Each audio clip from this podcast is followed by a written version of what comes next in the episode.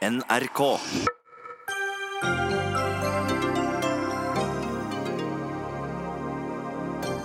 Sylvi Listhaug lar seg ikke stoppe av hets og demonisering, står det bak på boka hun ga ut i dag. Men hvordan bidrar hun selv til det offentlige ordskiftet? Meningsløst at staten skal samle inn penger for å reklamere for klimafiendtlig og usunt kjøtt, mener Dagens Næringsliv, mens Senterpartiet protesterer, mener ordninga fungerer utmerket. SV ønsker islandske tilstander i Norge for likelønn. Vil bøtelegge arbeidsgivere som ikke betaler lik lønn for likt arbeid. Og Høyres nestleder går ut mot politisk kommentator i den kristne avisa Vårt Land.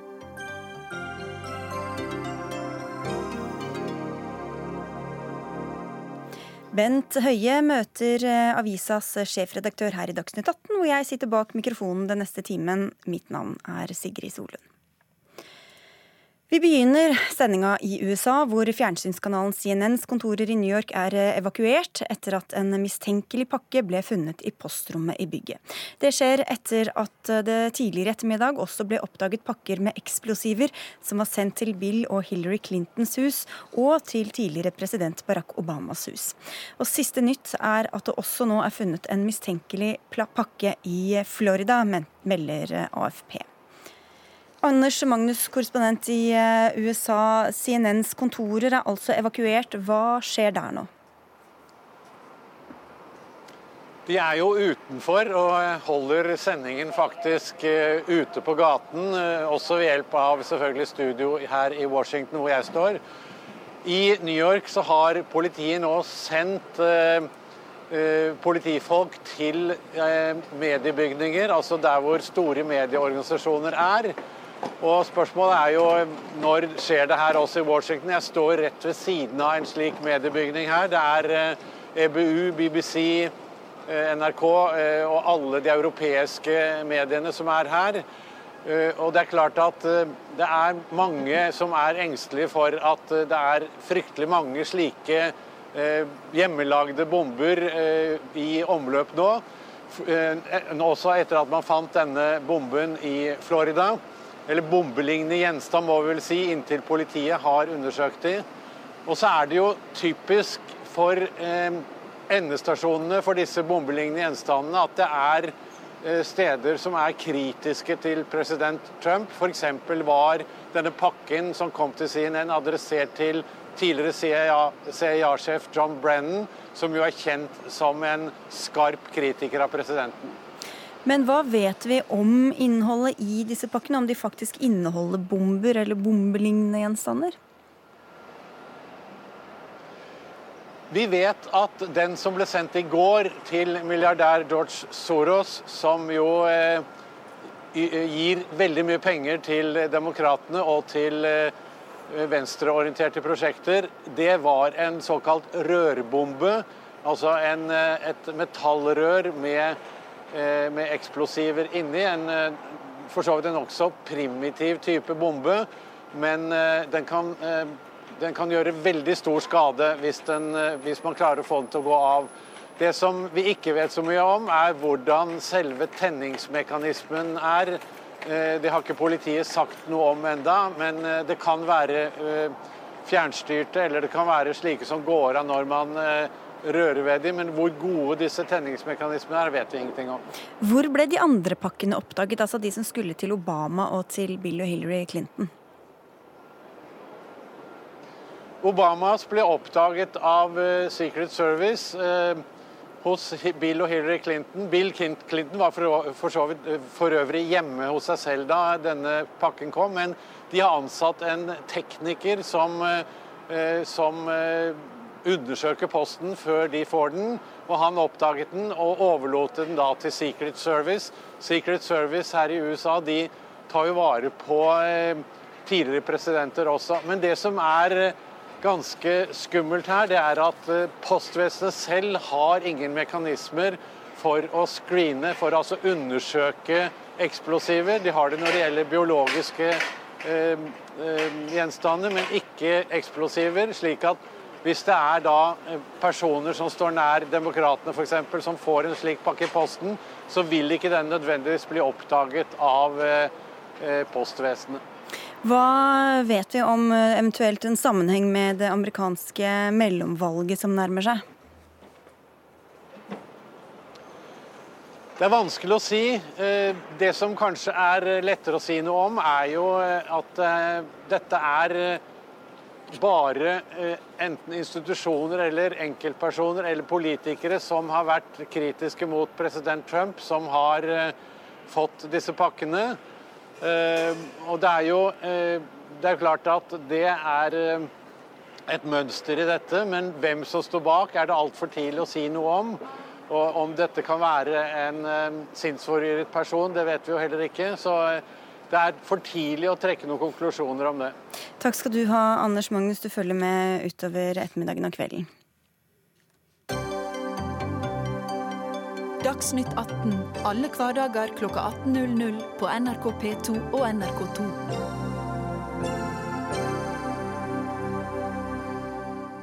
Det er mange politikere som gir ut bøker om dagen, før støvet helt har lagt seg etter Knut Arild Hareides bok, og bare dager før Per Sandberg og kjæresten Bahareh Letnes kommer med sin beretning, kom Sylvi Listhaug med sin i dag.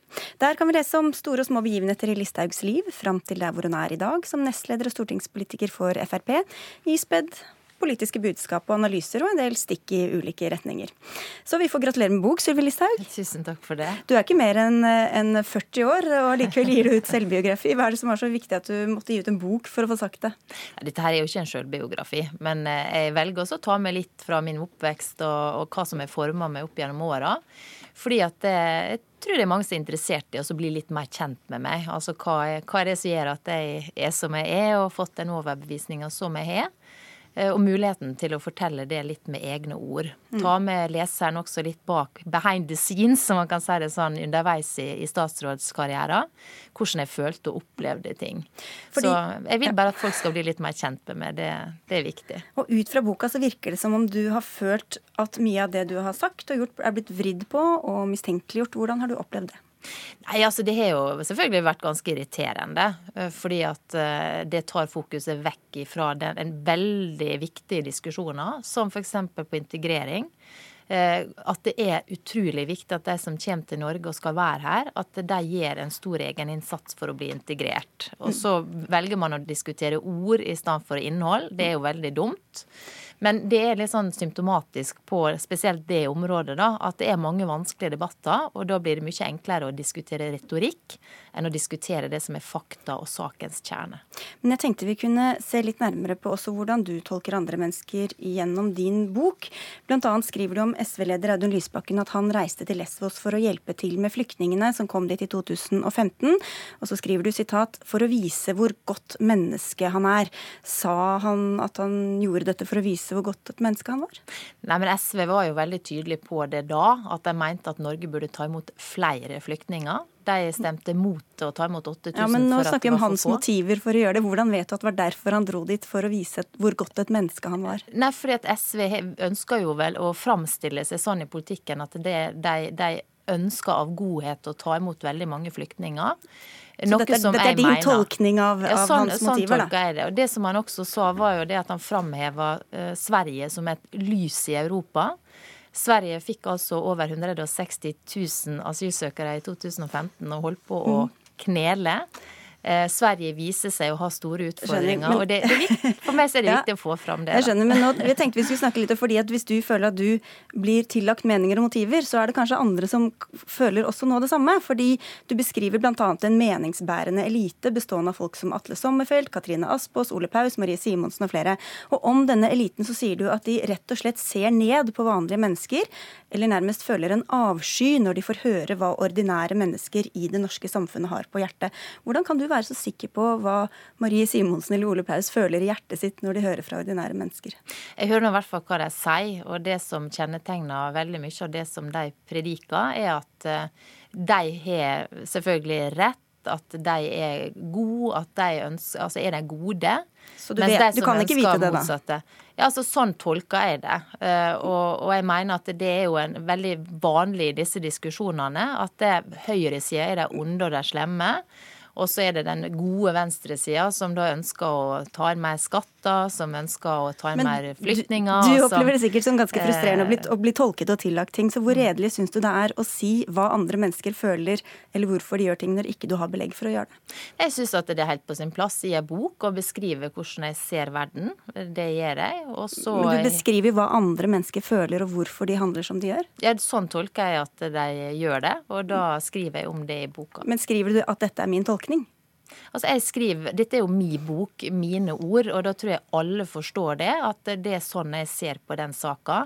Eh, hvis andre hadde skrevet det, så hadde det vært deres ord, men dette er altså en bok med mine ord. Men hva slags offentlig debatt får vi hvis dine meningsmotstandere skal si hva du føler, og hvorfor de tror at du gjør som, det, som du gjør, og du skal tillegge andre mennesker motiver og følelser? Ja, nå er jo jeg blitt tillagt de verste motiv og følelser og blitt framstilt som ondskapen sjøl i flere år. Eh, så jeg behov for i en bok også å ja, sette ord på hvordan jeg ser på en del andre som er tillagt meg motiv som jeg syns ikke er særlig ja, hyggelig å få. Men, burde ikke nettopp du da, da ha lært av det, å ikke gjøre det mot andre hvis du føler at det har gått utover deg, eller at du har følt på det? Nei, jeg hadde et eh, behov for i denne boka å være ganske tydelig på hvordan jeg ser på det, og, og også da ja, ta opp eh, den tråden. Men du skriver jo, du, du tar jo tak i dette selv også. Du skriver i boka stempling er en effektiv måte å diskreditere motstanderen din på, og Ap er nok blant de mest kyniske i bransjen når det kommer til bruken av det som hersketeknikk. Syns du selv at du stempler andre? Nei, altså, det, altså I debatter så kan det bli oppheta. Jeg kan også si tøffe ting. Det er, står jo også i denne boka. Men stempler du andre f.eks. gjennom de eksemplene som jeg viste til nå? Jeg mener i hvert fall at jeg, jeg, jeg, sier hvordan jeg ser på det, og så får noen andre vurdere om det er i stempling. Men jeg opplever i hvert fall at Arbeiderpartiet har effektivt forsøkt å, å stemple bl.a. meg og mange andre i diskusjonen som f.eks. da kom i etterkant av Facebook-meldingen. Men hvis du ønsker en debatt om sak, som du sier at du gjør, mm. hvor redelig og, og, effektivt er det da å gå inn i hva du tror andre mennesker føler, eller hva du tror at deres motiver er, uten engang å si at det er du som tror det, men du bare sier at det er sånn? Ja, for det, jeg tror alle som leser denne boka, forstår det at det er mine ord. Det er sånn jeg ser det, og det er utgangspunktet for den diskusjonen som jeg da legger til rette for. Så du tenker at det bare er implisitt? Du trenger ikke å skrive at 'jeg tror at han gjør det'? Nei, i, i min egen bok så tror jeg alle som leser det, forstår det, at det, dette her er mine ord. Og så er ikke nødvendigvis alle enig i det. Det var jeg jo veldig klar over når jeg skrev denne boka. Og jeg var heller ikke opptatt av at alle skal være enig i alt som står der, men få fram mine meninger og, og litt mer om hvem jeg er som person. Men en ting er jo om man er enig, en annen ting er jo om man egentlig har belegg for å skrive det man skriver. Ja, jeg mener jo det, da. Sånn ser jeg på verden. Og så får man eh, Eh, diskutere disse spørsmålene her på en, en, åpen og grei måte. og Det gjør jeg når som helst. En person som ofte nevnes i boka di, er Arbeiderpartileder Jonas Gahr Støre. Faktisk er navnet hans oppgitt over 40 ganger, talte. Jeg tror kanskje det var 45. Altså nesten tre ganger så mange som Siv Jensen og Erna Solberg til sammen. Blant annet skriver du om han at han ikke har noen skrupler, at han lyver, konstruerer og demoniserer. Hvorfor er du så opptatt av Støre? Nei, altså jeg opplevde jo det i forbindelse med denne Facebook-meldinga, at uh, han og Arbeiderpartiet gjorde om det til noe helt annet enn det det var. Altså der hvor du eh, koblet dem til terrorisme og, til, Ja, og, og satte det i kontekst til 22. juli. Eh, han hadde jo tidligere, noen måneder før, sagt det at han skulle bruke 22.07 mer aktivt, og det har vi jo sett gjentatt eksempel på. Og jeg aksepterer ikke at man stempler meg, setter meg i hardkorn med meninger som, som, lå forut for 22.07. Sett meg i hardkorn med, med, den verste massedrapsmannen som er i Norge. Jeg tror mange har følt på dette lenge. Og selv om man i 2011 sa at man skulle ha kjærlighet og demokrati og stå sammen, så tror jeg at mange i Fremskrittspartiet følte sånn i årevis at hvis debatten blir tøff nok, hvis eh, man, man, eh, man kommer til tema som er følsomme, så kastes det et sånt mistenksomhetens eh, lys over oss. Og jeg aksepterer ikke det lenger. Rett og slett. Og det, men, men, spørsmålet er jo om det er det som faktisk gjøres. ikke sant? En ting er jo hva man føler, men en annen ting er jo hva som faktisk sies. Fordi, Jeg skal bare sitere litt mm. mer fra da du sier. Du, du skriver nemlig at Støre etter fjorårets valgnederlag hadde klekket ut en strategi om at terrorist, ikke bare dette med 22. men at terroristen Anders Behring Breiviks tidligere medlemskap i Frp skulle brukes kynisk mot partiet ditt, og at han skulle ta Frp for dette korte medlemskapet. Og Som begrunnelse for dette oppgir du en uttalelse som Støre ga til Dagens Næringsliv, hvor han sier Arbeiderpartiet det var det du nevnte i sted, snakker for lite om 22.07 og burde ta et større oppgjør med ekstremismen som retter seg mot Arbeiderpartiet. Men hvordan kan du lede av dette sitatet at han skulle bruke Breiviks medlemskap kynisk mot Frp? I hvert fall så brukte han eh, denne, altså brukte han saka mot eh, meg. Eh, han slo meg jo i hardkorn med denne massedrapsmannen. Ja, Gjorde han egentlig det ut fra, ja, det dette, begrep, ut fra dette sitatet? Hvor, hvor er den ja, altså, logiske begrunnelsen? Sitatet, jeg ser i hvert fall det er en forlengelse av det som skjedde når den Facebook-meldinga kom. Jeg la jo også merke til at 22.07. på markeringa så brukte han mye tid og krefter på å nevne meg ved navn og slå meg i hardkorn. Men gjør, det, disse, okay, hva har han sagt som gjør at han sammenligner deg eller slår deg i hardkorn med Anders Behring Breivik? Nei, han, i, i, forbindelse med Facebook-meldinga så, så, trakk han jo inn dette her med at det nørte opp under hatet som var 22. Og jeg må bare Men er det, det å slå deg i hardkorn med Anders Behring Breivik? Ja, det er klart det, det, føles sånn. Det er klart det føles sånn. Eh, og det samme skjedde på 22. juli, der jeg ble behørig nevnt av Arbeiderpartilederen. Og det, jeg, jeg rett og slett aksepterer ikke det. Jeg husker veldig godt tilbake til 22. juli, hvor tøft det var for alle som var i politikken. Jeg husker jeg var på LO eh, sitt eh, bygg og møtte overlevende fra Utøya. Jeg var på den tida byrådet byråd i Oslo og var opptatt av at vi skulle gjøre alt vi kunne for de som hadde opplevd dette her. Og når du da noen år etterpå føler det at det blir satt et stempel på det du står for, som blir satt i, i sammenheng med denne massedrapsmannen, vet du, jeg aksepterer ikke det. Eh, og heldigvis er det sånn i Norge at det er svært få personer som sympatiserer med denne massedrapsmannen og det han står for. Mm. Mens jeg føler det er mange flere som blir forsøkt satt i hardkorn med han. Det og det skaper dine... polarisering, og det syns jeg er veldig synd. For jeg mener at vi skal stå sammen mot disse, uh, disse tinga. Og det er selvfølgelig forstå, kan føles vondt.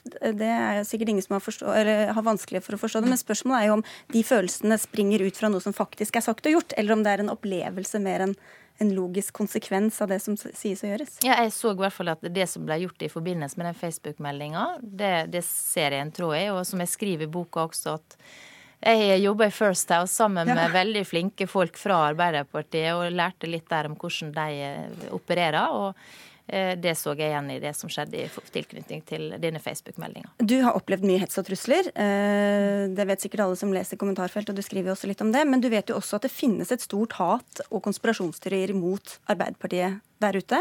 Kripo sier at antallet tips de fikk inn, tredoblet seg etter denne nevnte Facebook-posten om Arbeiderpartiet og terror, og de mener at det var en konsekvens av denne posten og debatten som fulgte. Mm. Hva slags ansvar tar du for det? Altså, denne Debatten som fulgte, starta jo med at Arbeiderpartiet sjøl kobla Facebook-meldinga til 22.07. Den Facebook-meldinga hadde absolutt ingenting med 22.07 å gjøre. Eh, og så tar jeg selvfølgelig sterk avstand fra at eh, folk opplevde hets. Men dette er Arbeiderpartiets ansvar, mener du, ikke ditt? Arbeiderpartiet alene? Eh, I hvert fall så registrerer jeg at de var de som kobla 22.07 til denne Facebook-meldinga. Det har jeg aldri gjort. Tvert imot så har det ingenting med saken å gjøre. Nei, men, og, og, og en del av hetsen rettet seg mot deg også, bare for å ha sagt altså, det. Altså, Jeg fikk drapstrusler, for å si det sånn. Og, og det ble jo også framheva da at det fikk Jonas Gahr Støre. Jeg, jeg syns det er helt forferdelig at han fikk drapstrusler. Men, hva, men, men spørsmålet, også... ja, men spørsmålet ja. mitt var egentlig hva slags ansvar du også tar for dette, da? Altså, eh, det ble en debatt som gikk helt av hengslene. Eh, og det syns jeg er veldig synd. For det det egentlig dreide seg om, det var jo hvilke grep eh, og muligheter PST skal ha. Men hva slags ansvar hadde du også oppi dette? Å, og nye altså, virkemidler i terrorbekjempelsen. Nei, altså jeg syns det var dumt at den debatten spora av. Ja, så ikke Men 22. noe ansvar som du, du tar for det, dette? 22. juli hadde ikke jeg noe med når det gjaldt å dra inn i denne diskusjonen. Tvert imot, det hadde ikke noe med det å gjøre. Men sett okay. i ettertid så var det jo synd at det spora av. Så, hvis jeg skal tolke det, så er svaret er intet på mitt eh, spørsmål.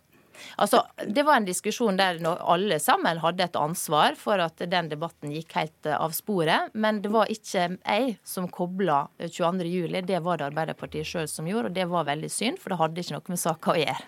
Vi skal videre også til noen andre deler av boka, få inn en gjest til her. For det er andre du gir ganske negative karakteristikker til i boka, nemlig feministene, eller feministeliten, som du kaller dem. Eh, nå er det også sånn at Erna Solberg, Siv Jensen, Jan Tore Sanner, Bent Høie, Ketil Solvik-Olsen blant andre har sagt at de kaller seg feminister, ifølge ABC Nyheter. Mm. Er de også en del av feministeliten? Nei, altså det får nå de definere sjøl. Det som jeg er opptatt av, det er at det, eh, Jeg liker ikke dette med at folk ønsker å bestemme over andre. Og det gjør ikke Erna Solberg, Siv Jensen og Jan Tore Sanner, så vidt jeg vet. De respekterer det at folk tar ulike valg. I utgangspunktet så ønsker jo vi at det, det skal være opp til familiene sjøl f.eks. å velge hvem som skal ta permisjon. For det vi ser nå, er jo det at en del familier der far f.eks. driver for seg sjøl. Eh, de mister permisjon. Pappa har ikke muligheten til å være hjemme, må være ute og tjene penger. Som følge av at regjeringa gjorde om på permisjonsreglene? Nei, for når du er i privat sektor og du skal greie det sjøl, så må du altså jobbe. Da har ikke du råd til å ta en lang permisjon. Og så, sånn som dette er da, så vil jo de tape eh, permisjonstid. Og det er jo synd først og fremst for barna. Så familier er like forskjellige som, som folk flest, og derfor er det viktig med, med, valgfrihet. Men kanskje du er en av denne liten Marie Louise Sunde. Du står bak likestillingsorganisasjonen Hun spanderer. Feministeliten, gjerne i sammenheng med venstresida, får sitt pass påskrevet i boka. Føler du deg truffet? Feminisme handler om eh, lik behandling for alle, like muligheter for andre, om det er sosialt, eh, politisk og økonomisk. Så for meg så er det det motsatte av en elite. Eh, og jeg tenker at det å, å, politisere det er problematisk. Og jeg syns også det er farlig når fremtredende politikere gjør varskoropet som metoo har vært, eh, bagatelliserer det og, og, gjør det til en, en lite viktig og ufarlig ting. Ja, fordi Du er innom metoo, Sylvi Listhaug. Du skriver det, eller det du kaller metoo-hysterie. Eh, og at det ligger en, en offermentalitet til grunn som venstresida bruker, bruker, til å gjøre seg moralsk overlegne. Du skriver skal vi tro feministen, er det sånn at hver gang en mann plystrer etter deg, er det et form for overgrep. Mm. Hvem er det som har sagt at plystring er, overgrep? Nei, men det blir litt sånn at Alt blir satt opp i den store gryta, og, og det er det jeg kritiserer. Og så sier jeg det at metoo ble litt too much. Eh, det ble en sånn heksejakt i mediene på enkeltpersoner som jeg mener gikk over alle støvleskaft. Hvilke, hvilke enkeltpersoner tenker du på? Nei, altså Det er jo det mange eksempler på i politikken osv. Altså Trond Giske og Ja, det var flere. Men, men det, var, det, var, for mye med, mot, altså, mot det ham var, og andre? Det var en voldsom heksejakt. Selv om jeg er veldig glad for at disse jentene som sto fram, turte å gjøre det for å få, uh, få slutt på ukultur. For det skal ikke man ha i politikken. Og det at eh, eldre menn misbruker makta si til å sjekke opp da, altså yngre damer og opptre på en måte som er uakseptabel, det er det bra at man får tatt tak i. Men det blir en sånn gapestokkmentalitet der man henger ut folk eh, på en måte som jeg syns er litt voldsom man blir dømt nærmest før man har fått muligheten til å gå inn i sakene fra okay, partiet. For å ta det første her, at det var mange både små og store saker som ble sauset sammen. Det er jo ikke Sylvi Listhaug den første til å mene, Sunde? Nei, eh, jeg tenker at det viktige med metoo, og jeg ser også i boken at du, du skriver at det baserer seg på offerrolle som en form for kapital, eh, som brukes for å fremheve seg og kvoteres, eh, og at også et klaps på rumpen, eller som du sier, hver gang man plystrer, så er det et overgrep. Og jeg tenker det, det viktige metoo er å tenke på å snakke om hva det handler om, for metoo er ikke dårlig flørting, det er maktmisbruk eh, på arbeidsplassen, eh, og det er seksuell trakassering som et maktmisbruk. Eh, og det å kalle det å si fram det som en offerrolle, tenker jeg blir veldig feil. Jeg tror heller det er det motsatte. Det å tørre å si fra de situasjonene, det krever veldig mye styrke. Det er fortsatt en stor risiko for veldig mange å si fra om disse tingene, og det er ikke det samme som å være i en offerrolle. Men alle disse småsakene også, om ikke det er klapsing på rumpa, men andre ubehageligheter, hvorfor, hvorfor skal man, må man si fra om alle sånne små ting? Det er, eh, og det er noe som Listhaug selv var inne på, at uh, det beste å gjøre med sånne ting, det er å si fra og sette ned foten når det skjer. Og hele poenget med metoo er den pga. den maktasymmetrien, så er ikke det alltid så lett å si fra. Det kan få konsekvenser. Og der tror jeg vi skal skille litt mellom impact på eh, individnivå, altså alvorlige overgrep, voldtekt og andre ting, som også noen metoo-historier har vært, og som er mm. veldig veldig alvorlige saker. Eh, og også hver enkeltepisode, som i noen av metoo-episodene kan være banale, men hvor det akkumulert får mye å si, og hvor det, av, eh, det viser en systemfeil og en strukturfeil som har vært akseptabel, og som har innebæret mye maktmisbruk mot ansatte, og særlig seksuell trakassering da mot kvinner. Og Det er ikke et lite problem. bare for å si det. Legeforeningen viste en undersøkelse nå i sommer som sier at 22% av alle kvinnelige leger har opplevd seksuell trakassering. Det varierer fra bransje til bransje. I 2013 så var snittallet i Norge 5 men det er, det er likevel store tall. Så det er ikke et lite problem. Og da er spørsmålet Ristak også, Hvordan skal man endre strukturer i samfunnet hvis hvert enkelt tilfelle da kanskje føles for smått, eller blir behandlet som for smått til å liksom ta opp som en enkeltsak? Altså, man må jo sette ned foten og ta det opp på en arbeidsplass hvis det er sånn at man blir seksuelt trakassert. Det er klart det, og det er viktig at det følges opp. Eh, men mitt poeng er bare at jeg tror folk til slutt mista litt oversikten over det, for alt ble kasta i ei svart gryte. Og det ble en sånn vedvarende lang jakt i mediene på mange enkeltpersoner som, som jeg beskriver i boka, som fikk norsk politikk til å se ut som en gjeng med kranglefanter som var mest opptatt av å klå på hverandre. Og så, som jeg sier, jeg har veldig stor respekt for de som sto fram. Jeg er veldig glad for at det fikk konsekvenser for de det gjaldt som er trådt over streken, og at det er viktig at oss også i politikken jobber for at eh, ikke man skal misbruke posisjonene sine. Men det er liksom dette her med at det, det er så voldsomt. Og jeg føler alltid i sånne diskusjoner at kvinner liksom blir framstilt som så, så hjelpeløse og, og, stakkarslige, og som at vi ikke tåler noen ting, og det gjør vi. Så, så det er liksom den balansegangen der jeg mener er, er, alltid vil være krevende i den type saker. Jeg tror at metoo har eh, vist det motsatte. Ikke kvinner som hjelpeløse, men kvinner som sterke som har stått sammen og sagt fra om et stort problem. Eh, og så tenker jeg også Det med at det er mange som sier det at metoo har gått for langt, eller at man er lei av det, og folk er lei av å høre om det. Eh, og det som jeg tror vi skal skille da, folk er, Man skal være lei av å høre om overgrepene, man skal være lei av å høre om den atferden, men man skal ikke være lei av de som sier fra mm. om den. Ja, fordi ja, Skal man da slutte å si fra, Nei, absolutt Men hvis, hvis, du, hvis, hvis du sier at folk er lei, skal man da komme drassende med sin sak nå når alle er lei, så er det kanskje ikke det hva slags signal sender man da? Jeg tror bare det er dette her mediejaget som er hele tida, som gjør at folk liksom og, og, og ikke greier å skille til seg. Altså, det er snakk om voldtekt på den ene sida. Det er jo alvorlige overgrep som ødelegger liv.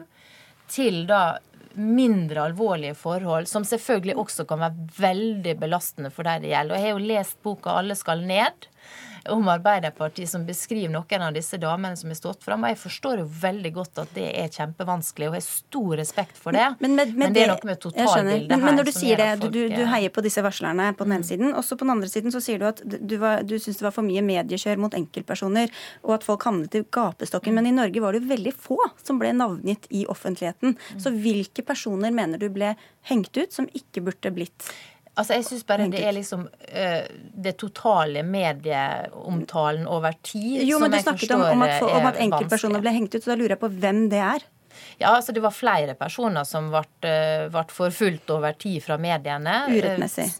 Ja, altså iallfall så urettmessig. Det er jo veldig bra at det blir tatt tak i, men det blir så voldsomt når jak mediene jakter i, i, flokk. Altså Hvem burde eh, ikke fått ser, den eh, offentliggjøringen eller behandlingen i mediene? Hvis du, du skal klare å skjønne det, så er det kanskje greit at du gir noen eksempler? Nei, men altså det, det, det så man jo hva som skjedde i løpet av høsten, at det var flere politikere som ble omtalt i mediene. og som ikke eh, burde blitt det? Nei, altså at mediene bør, bør omtale det, er noe helt greit. Men det er liksom hva, men, hva mener du egentlig da? Jeg mener ikke å, å, å mase, jeg bare skjønner ikke helt hva det er du får ikke grep om hva nei, det er du sier. Jeg tror bare at til slutt så blir folk så trøtt av å lese i VG hver dag om man Trond Giske eller eh, andre politikere, at til slutt så blir man litt sånn Uff, nå orker ikke dette der mer. Og det syns jeg er veldig dumt for saka. Ja. For saka er jo, det er jo bra at vi får folk til også å ta tak i det hvis eldre menn misbruker sin makt overfor yngre kvinner. Og det er det jeg mener som er litt av utfordringa her. Okay. Mange har gått lei, rett og slett, av Sunde. Eh, jeg tror vi skal være veldig lei av den oppførselen, og så skal vi være veldig glad for alle som sier fra. Og det, det, er noe som jeg også vil kommentere av det du skriver i boken, at eh, likestilling det innebærer at eh, alle skal få samme behandlingen. Eh, og så sier du at det har vi i Norge. Og så sier du videre at eh, du selv har opplevd hindre, og at eh, hvis det er sånn at det å være kvinne innebærer at man må legge ned ekstra innsats, så er det bare å bite tennene sammen. Og for meg så er det på en måte å si at vi ikke har lik behandling i Norge Norge. Vi jobber I Spanderer så jobber vi jo mye med dette ubevisst diskriminering. Og det viser seg å være sånn at vi vurderer ikke menn og kvinner likt. Det er gjort en undersøkelse av Agenda Markedshøgskolen i 2015 som viser hvor forskjellig vi vurderer en leder, avhengig av hva man heter, Hans eller, eller Hanna. Og så sier du videre at kvinner bruker kvinnekortet for å komme seg inn i posisjon. Og sannheten er jo kanskje mer at tradisjonelt og fremdeles er det jo menn som har kommet i posisjon i kraft av å være seg selv, i kraft av at man overvurderer menns ferdigheter og undervurderer kvinners ferdigheter. Jeg har jo alltid vært motstander av kvotering. Eh, og sånn sett så kommer man da kanskje lettere til noen ganger som kvinne, og det syns jeg er dumt. for det bidrar til at det alltid vil bli satt spørsmålstegn ved om du er god nok, eller om du ble kvotert inn. Okay. Eh, så det er sånn motstander av alltid. Da er vi inne i kvoteringsdebatten. Jeg tror vi skal la dere få slippe nå, eh, begge to. Takk skal dere ha for at dere kom. Sylvi Listhaug og Marie Louise Sunde. Og likelønn, eller manglende sådan, skal vi komme tilbake til litt seinere i sendinga.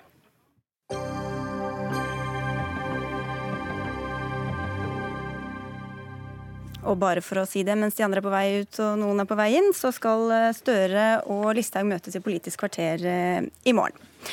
Dagens Næringsliv har tatt et nytt grep eh, gjennom ti lederartikler som publiseres i disse dager. Her foreslår avisa klimatiltak som de mener burde gjennomføres her og nå.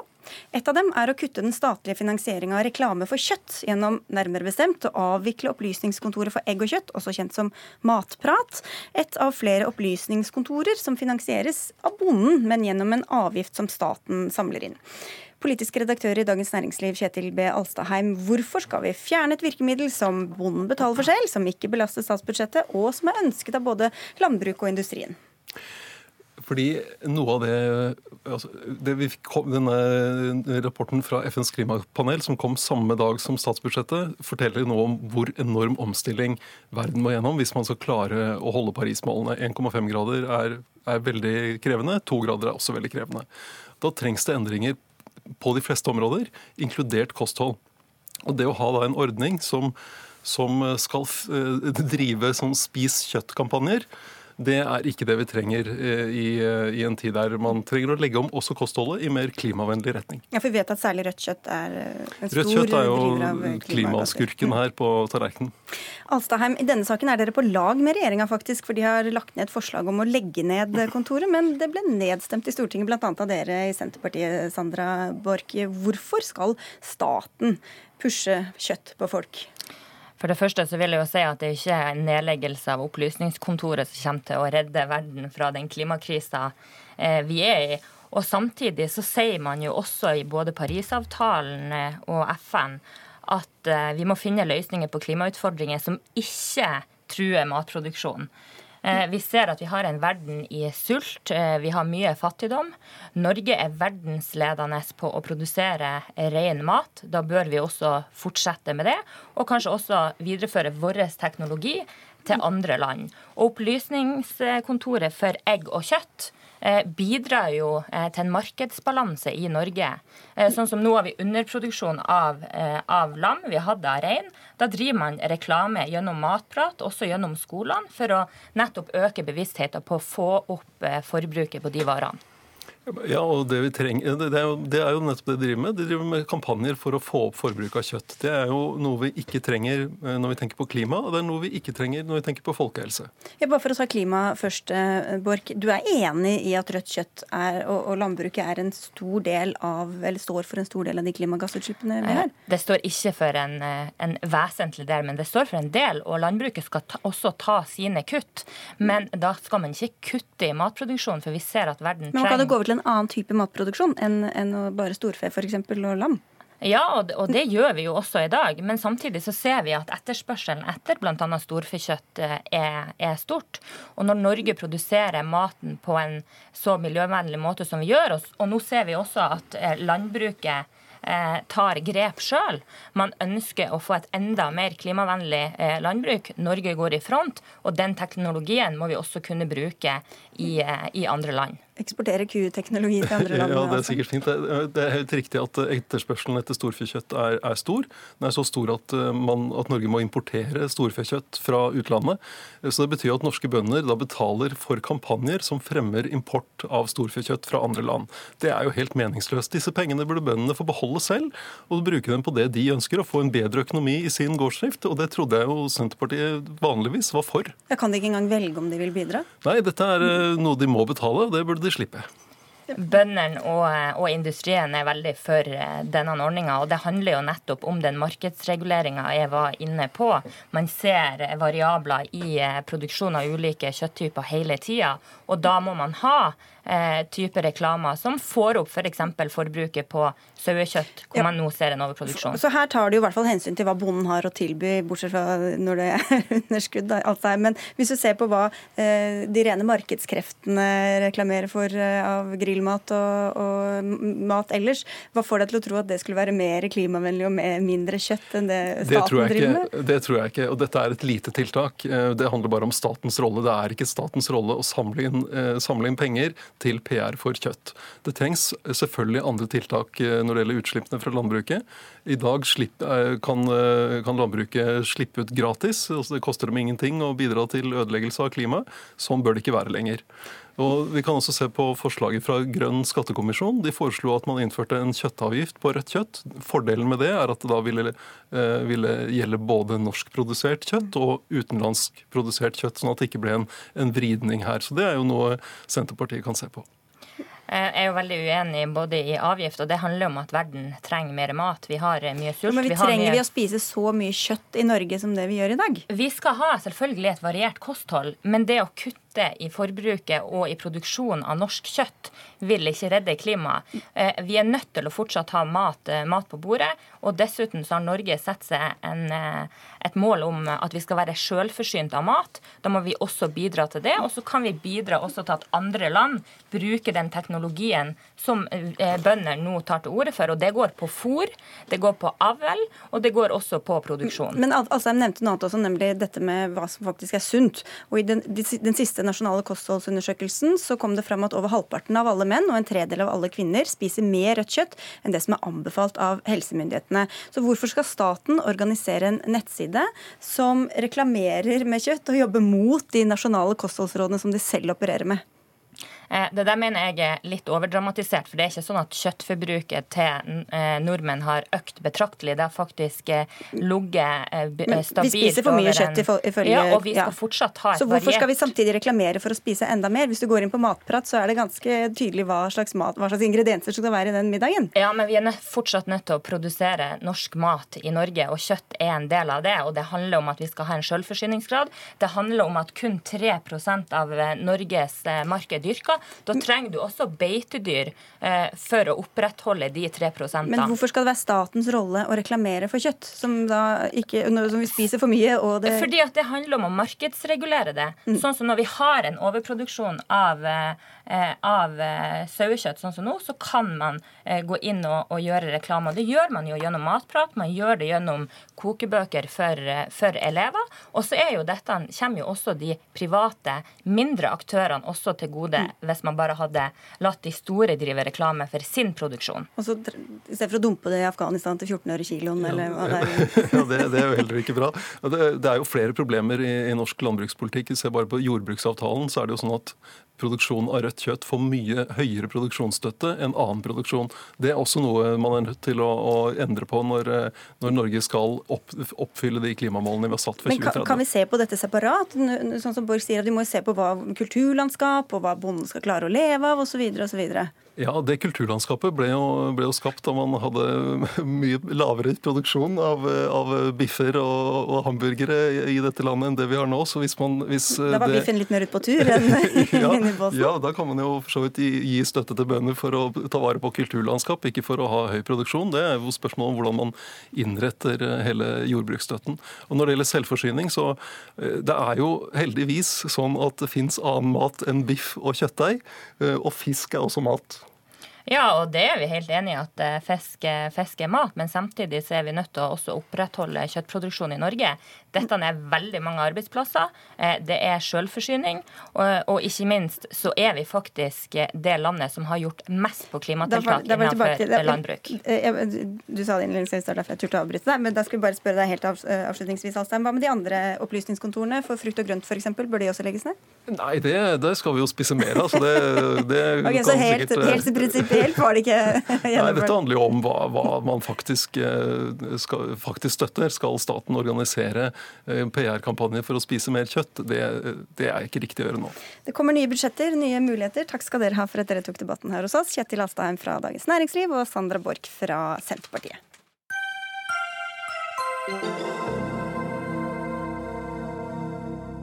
I dag og i kveld markeres likelønn, eller da snarere mangel på likelønn, rundt omkring i Norge. For nå er det gått eh, ti år siden Likelønnskommisjonen leverte rapporten sin om lønnsforskjeller i norsk nei, arbeidsliv.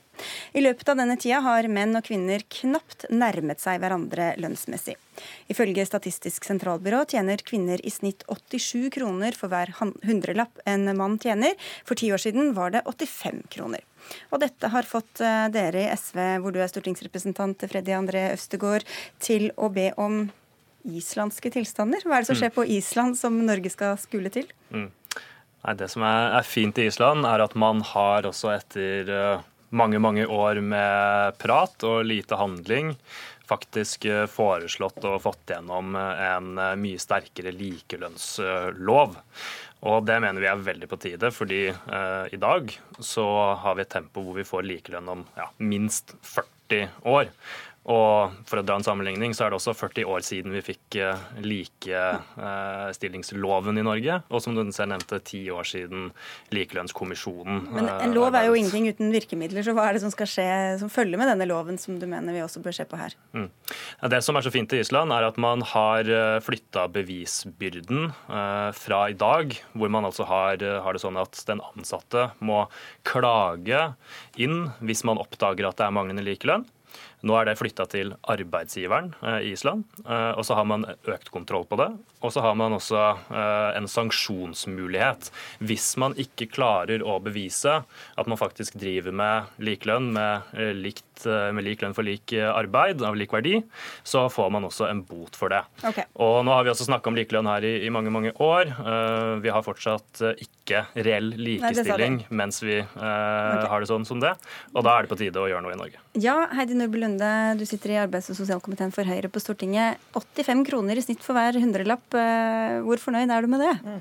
Det høres jo eh, galt ut når man fremstiller det på den måten, men for alle praktiske formål så har vi jo likelønn i Norge. Hvis man sjekker eh, stillings, stillinger innenfor samme bransje, så vil man se at innenfor bransjer og innenfor like stillinger, lik lønn for likt arbeid er riktig. Så Ikke alltid i noen næringer? Det, I finansnæringen er vel den, altså et, et veldig veldig unntak. Men, eh, så Det betyr at en mannlig sykepleier tjener det samme som en kvinnelig sykepleier i samme stilling og i samme turnus. Så det betyr at vi har eh, like, likelønn. Den store forskjellen er mellom de som da velger eh, offentlig sektor og jobbe i det, og privat sektor. Og det er store lønnsforskjeller mellom det, men det går ikke eh, på nødvendigvis kjønns. Men vi har et kjønnsdelt eh, arbeidsmarked i Norge, men, og det er en utfordring. Ja, ikke sant? Fordi at Kvinner og menn velger fortsatt veldig delt. og Hvis man sammenligner en sykepleier eller en ingeniør, eller hva det er for noe, det er da man ser disse forskjellene. Og hva hjelper det da å ha, når det ikke er den samme arbeidsgiveren som, som ansetter de samme folka? Hva, hvilken rolle spiller det da å ha en sånn lov? Mm. Det første er det sånn at Omtrent 5 prosentpoeng av det likelønnsgapet vi snakker om, eh, det kan ikke forklares med de eh, årsakene som, eh, som Lunde nå nevnte. Så det er faktisk ikke likelønn på hver enkelt arbeidsplass heller. Men det er helt sant at de største likelønnsmanglene det er også på tvers av sektorer. Det er sånn at Kvinner i Eh, offentlig sektor, som gjør en veldig viktig innsats for helse og omsorg, det er også offer for en, eh, en helt systematisk verdidiskriminering. Til fordel for de mennene som gjør en like viktig jobb i privat sektor, vil jeg tro du mener. Ja. Ikke sant? Men, men, så derfor er, også, derfor er, vårt forslag todelt. Det ene handler om å hente inn også en islandsk inspirert likelønnsstandard for å bli kvitt de siste lønnsforskjellene på hver enkel arbeidsplass.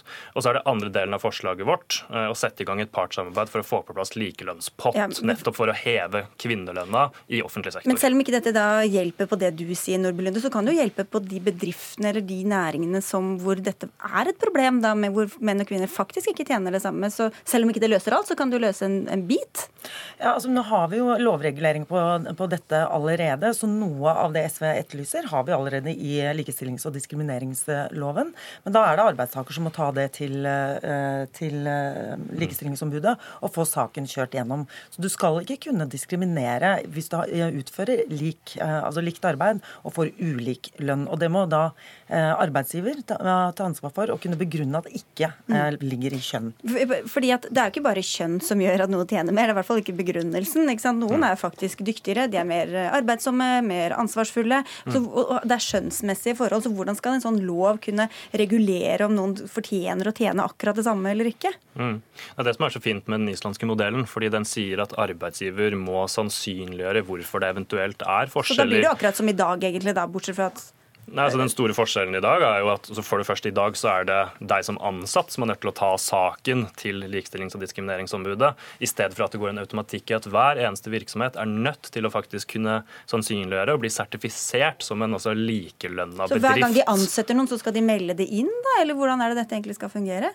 Nei, sånn de gjør det i Island, og som vi mener at man burde ta inspirasjon ifra, er at man har altså et, eh, et, system som ser på hva slags verdi man setter på uh, ulike typer jobber. Og Det har man uh, ekstern kontroll på, og man må rapportere det inn.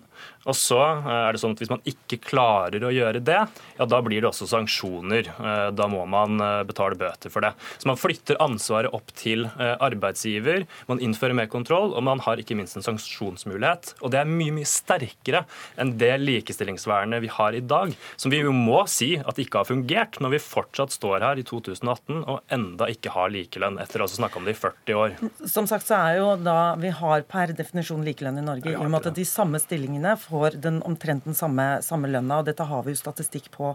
Eh, der hvor man ser at lønnsgapet følger et kjønnsdelt arbeidsmarked, fordi at forhandlingsmodellen opprettholder faktisk de forskjellene mellom offentlig og privat eh, virksomhet, gjennom at i offentlig sektor så har man ofte kollektive forhandlinger som sementerer de kjønnsforskjellene, mens i privat sektor så har man individuelle forhandlinger, og der ser vi at du, du får en forskjell. Men der vet vi også at kvinner kan tape på de individuelle lønns for at de oppfattes annerledes hvis de går og ber om høyere lønn til seg selv enn det en mann gjør, f.eks. Ja, altså jeg har sagt opp eh, jobben min sjøl fordi at jeg oppdaget at min kollega fikk 50 000 mer enn meg i lønn, og jeg gjorde en bedre jobb. Så arbeidsgiver taper jo på å få dyrere eh, mannlige ansatte. Og, men de skjønner jo ikke alltid det sjøl, da, tydeligvis. Nei, de skjønner ikke alltid det før, men det er noen særtilfeller. Og som sagt, også i dagens eh, likestillings- og diskrimineringslovgivning så er det arbeidsgiver som må sannsynliggjøre at lønnsforskjellen ikke handler om kjønn. Men, okay. men, men det som ikke stemmer her, er at det kjønnsdelte arbeidsmarkedet arbeidsmarkedet, ja, det er en viktig del av problemet. Viktig grunn for at vi ikke har eh, likelønn enda.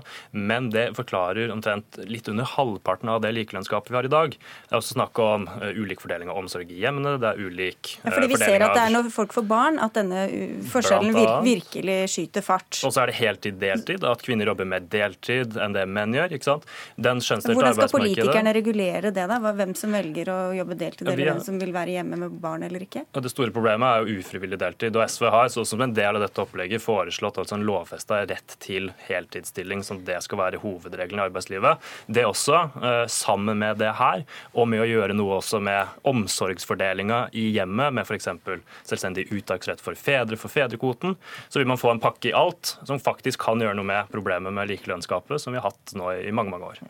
I Aftenposten i 2016 så tok vi jo da en ettersjekk på det eh, SV og Arbeiderpartiet hadde påstått under valgkampen i 2013, nemlig det at likestilling likestillingen ville bli satt i revers med Høyre og Frp i regjering. Og Det viste seg da at det var færre kvinner som jobbet deltid, flere barn som gikk i barnehagen, færre som mottok kontantstøtte.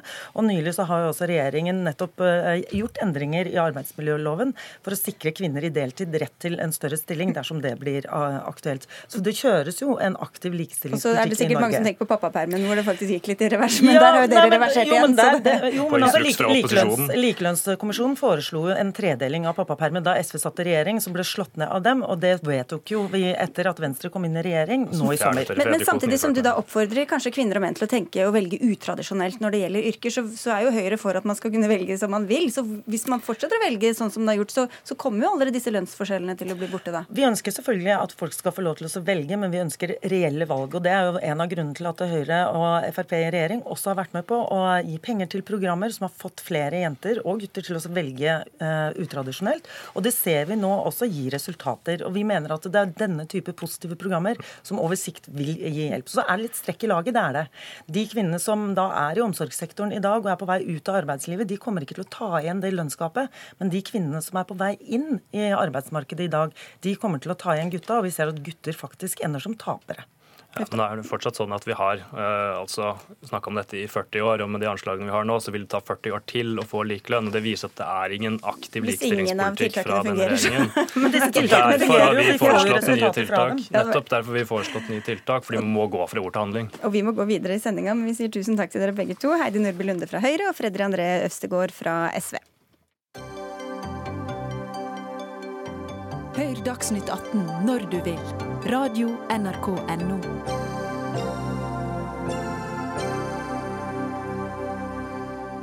Da skal vi til dagens episode av uh, Dagsnytt 18s KrF-føljetong.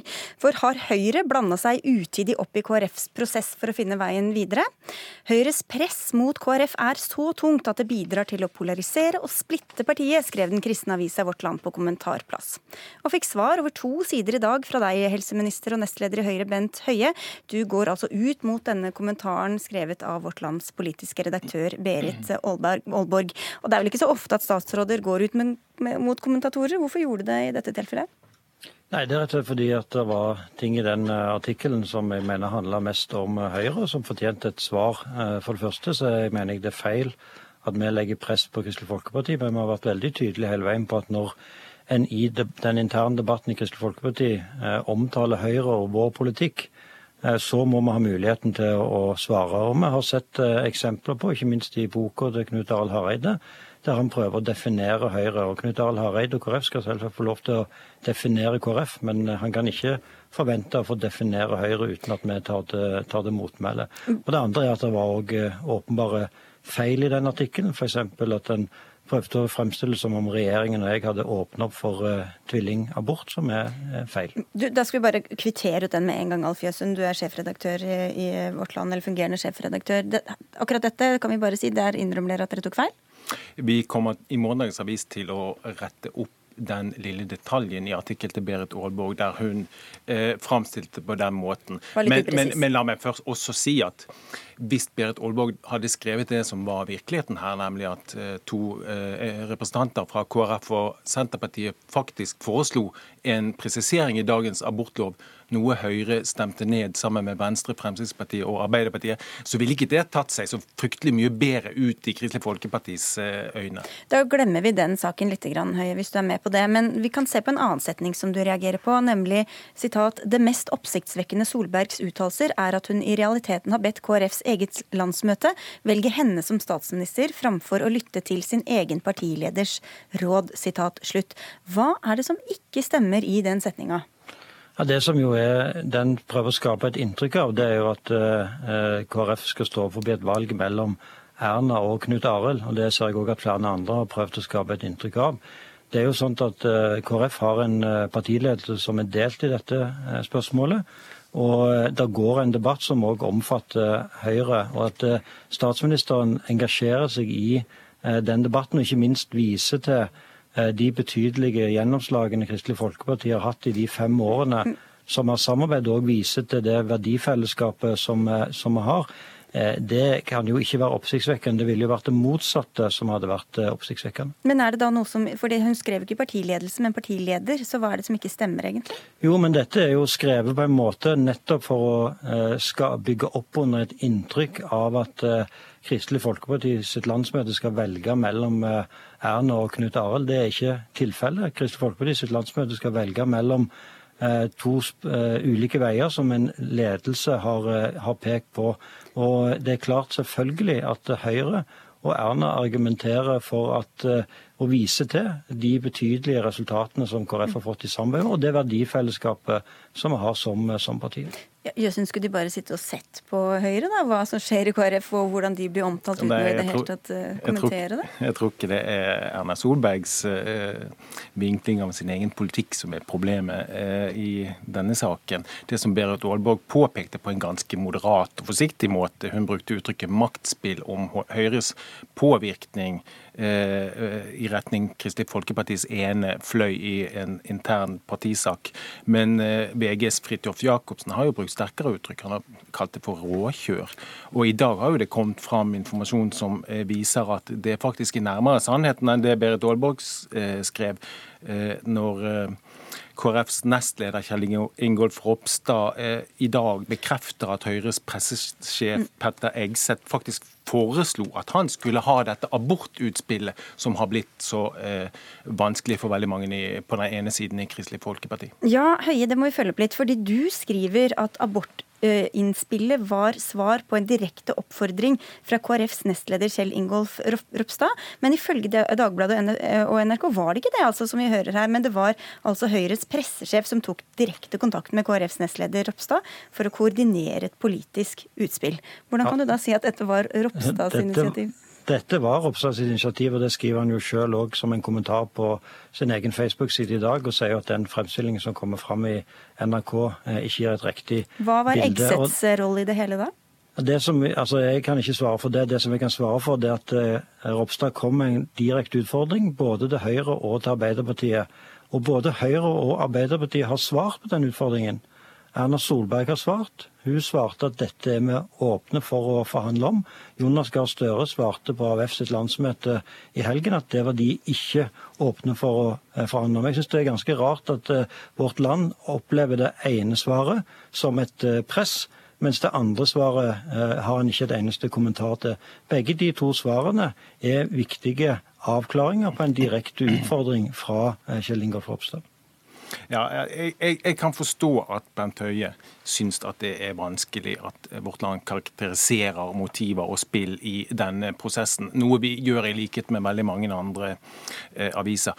Og jeg syns ikke det er rart i det hele tatt at eh, Høyre Jeg syns, ja. ikke det er rart i det hele tatt at Høyre opplever en, at dette er et enormt press på de. Det er jo sitter jo en regjering som står i fare for å måtte gå. Men det som kanskje er mer oppsiktsvekkende, er at Arbeiderpartiet og eh, de andre partiene på venstresiden har vært såpass tilbakeholdne i denne saken. Men nå er det ikke det vi snakker om. Men, men det, dette kan vel kanskje også springe ut fra at du opplever at vårt land har tatt et ganske tydelig ståsted for en retning du ikke ønsker at KrF skal gå i, Høie? Nei, men jeg har på ingen som helst måte kritisert at uh, uh, Berit Aalborg i, i Vårt Land har en kommentar om dette. Uh, det er helt naturlig. Det er en del av jobben til pressen. Det som jeg legger vekt på, det er at eh, når en da beskriver eh, Høyre og våre valg, eh, og så er det vår oppgave å svare. Og jeg er veldig fornøyd med at jeg har fått svart over to sider i Vårt Land i dag. Det er sånn at en god politisk og demokratisk debatt foregår. Jeg har aldri kritisert Vårt Land og Bert Aalberg for hennes kommentar. Jeg har bare følt et behov for å svare på de tingene som jeg mener er feil, og på de områdene der jeg er uenig i hennes kommentar. Jeg syns det er veldig fint at Bent Høie presiserer den detaljen som ble feil i Berit Aalborgs eh, kommentar, men det er litt spesielt, tenker jeg, å bruke den som utgangspunkt og nærmest bevis for at vårt land eh, trekker dette her altfor langt i retning av eh, noe, en virkelighet som ikke, som ikke Høyre kan eh, stå inne for. Det syns jeg er litt eh, underlig og uvanlig. Men på den annen side, det er mye som står på spill her. Det er mye som er uvanlig? ja, men altså det, det, eh, Mitt poeng er bare for å få fram at jeg er uenig i uh, Berit Aalbergs fremstilling om at Høyre legger et press på KrF. Jeg mener at det er vår oppgave uh, å svare både henne og Knut Arild Hareide når de prøver å definere hva som er Høyres politikk. Jeg reagerer f.eks. på at Knut Arild Hareide i boka si fremstiller det som om Høyre har blitt et eh, parti som har blitt mer liberalistisk. Mm. Det er noe som jeg ikke kjenner meg igjen i. Tvert imot, jeg opplever at Høyre under ledelse av Erna, Jan Tore og meg tvert imot har beveget oss mot, mot sentrum. Jeg tror veldig mange som har fulgt norsk politikk fra begynnelsen av 2000-tallet og til i dag, mm. vil være enig i den beskrivelsen av Høyre. Det er òg en grunn til at Høyre har den oppslutningen som vi har i dag, for vi favner et bredere, eh, bredere lag av befolkningen. Det. Høyre har gått mer mot sentrum, mm. har ikke gått mer mot Høyre. Og Det er det mange som har vært ute og, og kommentert også, men bare helt på tampen her for å si dette med å, å, å, åpne for en prosess eller en endring av abortloven, som jo er stridens kjerne her, ikke så lenge etter at Høyre faktisk vedtok å, å frede den etter ganske mye ståhei. Hvordan er det da ikke å liksom, i hvert fall friste eller legge et visst press på KrF? Altså, Vi er jo i en veldig spesiell situasjon fordi eh, Eh, hvis eh, KrF sitt landsmøte vedtar eh, forslaget fra Knut Arild Hareide, så ville jo aldri KrF ha funnet ut av om, om Høyre var villig til å gi KrF noe på dette viktige verdispørsmålet. Og Derfor er det også grunnen til at vi valgte å svare på den utfordringen, på samme måte som Arbeiderpartiet òg har svar på utfordringer. Vi har sagt at for Høyre sitt ståsted så er vi åpne for å forhandle om dette. Vi har ikke gitt noen garanti om gjennomslag. Eh, okay. Men alle er jo òg kjent med at dette er det som statsministeren personlig mener, og samtidig som òg åpner åpne for å endre okay. spørsmål om tvillinger. Vet dere, Vi har ikke mer tid. Vi får bare følge med både i Vårt Land og i NRK for å følge denne prosessen videre. Takk skal dere ha, Bent Høie og Alf Jøsund, fordi Dagsnytt 18 er over. Det var Jarand Ree Mikkelsen eh, som var ansvarlig for eh, sendinga, og jeg heter Sigrid Solund, og vi ønsker en fin kveld videre.